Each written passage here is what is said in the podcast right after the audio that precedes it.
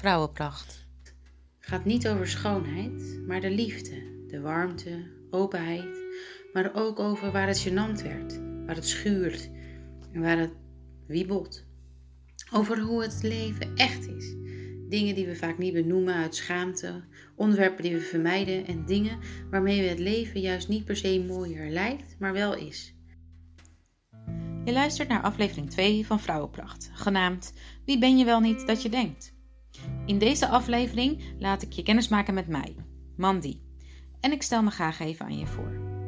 Want wie stelt nu eigenlijk die vragen? En uit welk rugzakje refereer ik?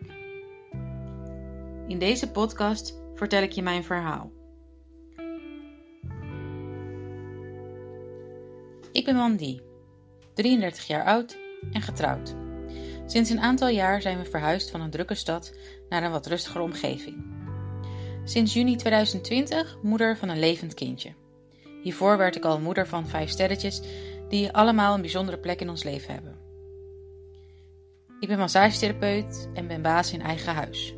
Dat wil zeggen dat ik een eigen plek heb in huis met mijn eigen praktijk, waar ik mijn werk vol liefde doe. Werken vind ik wel een groot woord, want ja, ik doe het met passie en zoveel liefde dat ik meer een onderdeel is van wie ik ben en van ons leven. Masseren doe ik evenveel als voor mijn bevalling, maar dan wel minder in de praktijk. Want ja, nu beoefen ik mijn kunsten op mijn kleine lieve meisje.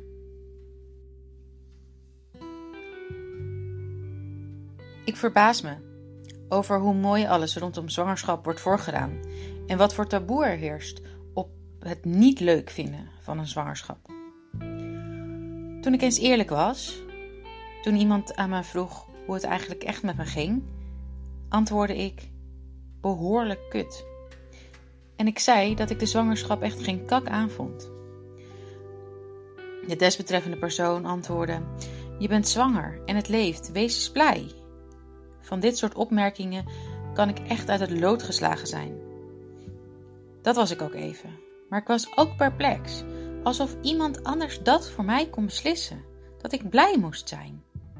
Omdat ik eerder kindjes of zieltjes had verloren? Toch merkte ik dat ik het wilde blijven zeggen. Het was gewoon soms kut. Zeker de eerste maanden.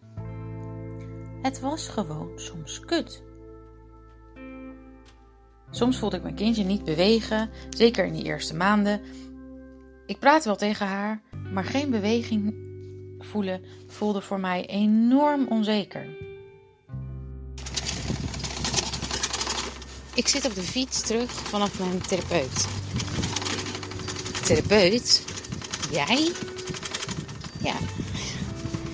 Ik hoor heel vaak mensen tegen mij zeggen: Je bent toch zelf therapeut? Dan uh, heb je toch geen therapeut nodig? Dan weet je toch alles al? Alsof ik geen mens van vlees en bloed ben. Alsof ik geen vrouw ben met gevoelens en gedachten. Toen besloot ik eerlijk te zijn, merkte ik ook dat er soms een zucht van opluchting uh, was. Toen ik een keer zei dat ik het ja, niet echt allemaal heel leuk vond, draaide iemand in de les die ik volgde zich om en zei: Oh man, wat ben ik blij dat je dat zegt. Ik vond het zwanger zijn ook helemaal niet leuk en de eerste periode zeker niet. Bedankt voor je eerlijkheid. Een persoon, normaal zo stil en in haarzelf, vond het zo fijn om zich in mij te herkennen. Gaf haar een gevoel van herkenning, erkenning. Dat had ze nooit eerder gevoeld. Een vrouw van in de vijftig.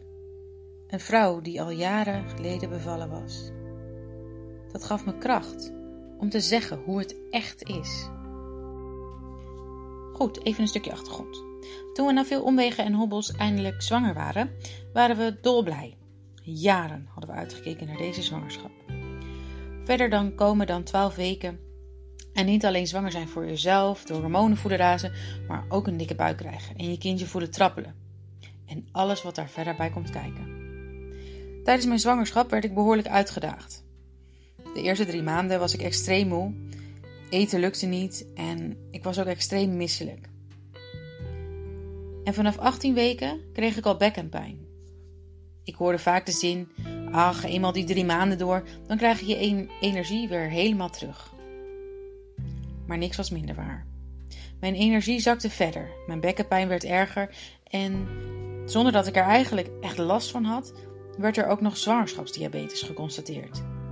Die zwangerschap, die ik me zo mooi had voorgesteld, werd nu toch wel echt heel zwaar. Wat mooi en puur, zo herkenbaar ook, zei mijn therapeut na aflevering 1 gehoord te hebben. Ik kreeg trouwens alleen maar goede reacties. Waarom gooide ik het toch niet openbaar, zodat iedereen het horen kon? Al jaren kwamen er prachtige vrouwen in mijn praktijk en ja, zie ik hoe vaak ze zich schamen voor dingen die zo bij het vrouw zijn horen. Hoe opgesloten ze zich voelen, niet begrepen of gesteund door andere vrouwen, soms zelfs naar beneden gehaald. Toch miste ik de power, de vuur, de moed om het online te zetten. Vuur, temperament en boosheid associeer ik niet met kracht of met moed, maar vooral met ego. Met vroeger, waar mijn boosheid er niet mocht zijn, waarin je temperament als vervelend gezien wordt. Meisjes mogen toch niet boos zijn?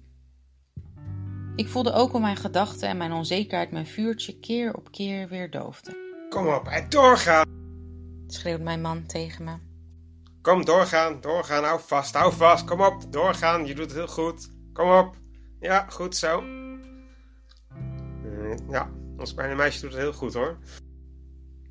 Nou, dat ben ik niet helemaal met je eens, zei de klinisch verloskundige plots. Midden in de persweeën bleek ons kleine sterrenkijkertje klem te zitten. In mijn bekken. En met dat de verloskundige dat zei, stond de hele kamer vol met medisch personeel. Ik perste en ik perste, precies zoals ik het voelde. Maar ik voelde ook dat het niet zakte. Er waren al allerlei attributen bij komen kijken, maar ons kleine meisje zat vast. Ik had geen paniek, maar voelde wel dat er niet veel rek meer in zat. Ze moest eruit. Anders zou ze misschien zuurstoftekort hebben of. Veel denken kon ik niet. Mijn lichaam deed haar werk. Ik perste, ik perste en perste. Ik schreeuwde en gilde. Hoe lang nog? Hoe lang moet ik nou nog? Voor jouw informatie, ik was al 19 uur bezig en ik kon niet meer. Ik had alleen maar rugweeën. Nog zes weeën. Nog zes? Ik kan niet meer, schreeuwde ik. Ik kan niet meer. Niet schreeuwen, zei de arts. Persen. Geef alle kracht aan het persen. Ik voelde me uitgeput. Zo moe. We proberen het nog één keer. En anders moeten we naar de OK, zei de gynaecoloog. Naar de OK? dacht ik. De OK? Mijn kind zit vast en dan moeten we helemaal naar de OK met de lift. En, nou, echt niet. Ik geloof dat ik nog nooit zo erg in mezelf heb gevloekt. Ik was zo kwaad. Ik ga niet naar de OK. Kom op, meis, we doen dit samen. Je komt er nu uit, oké? Ik perste en perste en perste en ik schreeuwde, ik kreunde. Ze moest eruit. En daar was ze. Ze vloekte er ineens uit. Zonder die kracht en dat vuur was het me nooit gelukt. Ik voelde me trots. Zonder die boosheid, Mandy, was het nooit gelukt om natuurlijk te bevallen. Ik hoorde het gynaecoloog nog zeggen, aan de telefoon. Twee weken na nogal een turbulente bevalling voerde ik een gesprek met haar. Misschien denk je nu, wat wil je hier nou eigenlijk allemaal mee vertellen? Het blijft me verbazen hoeveel kracht ik voelde, hoeveel vuur vlamde toen ik beviel en hoeveel vuur ik voel om jullie dit te vertellen, in alle eerlijkheid. Maar hoe mijn hoofd dit vuur kan doven, omdat ik bang ben voor het oordeel. Echt een tijd blijft dit verhaal in mijn hoofd spoken. Maar nu ga ik het met jullie delen, omdat ik weet dat het niet alleen mijn verhaal is. Ik wil me niet schamen voor wat ik meemaakte, voor mijn bevalling en voor mijn vrouw zijn. Ik wil je laten weten, mezelf laten weten, dat we niet alleen zijn. We maken het allemaal mee als vrouw, op onze eigen manier, met of zonder kinderen. Je bent nooit alleen. Hoor je me? Bedankt voor het luisteren naar Vrouwenpracht. Deze aflevering werd mede mogelijk gemaakt door mijn liefdevolle man en de vrouw van de Zwangerschapsclub. Tot de volgende keer, mooie vrouw.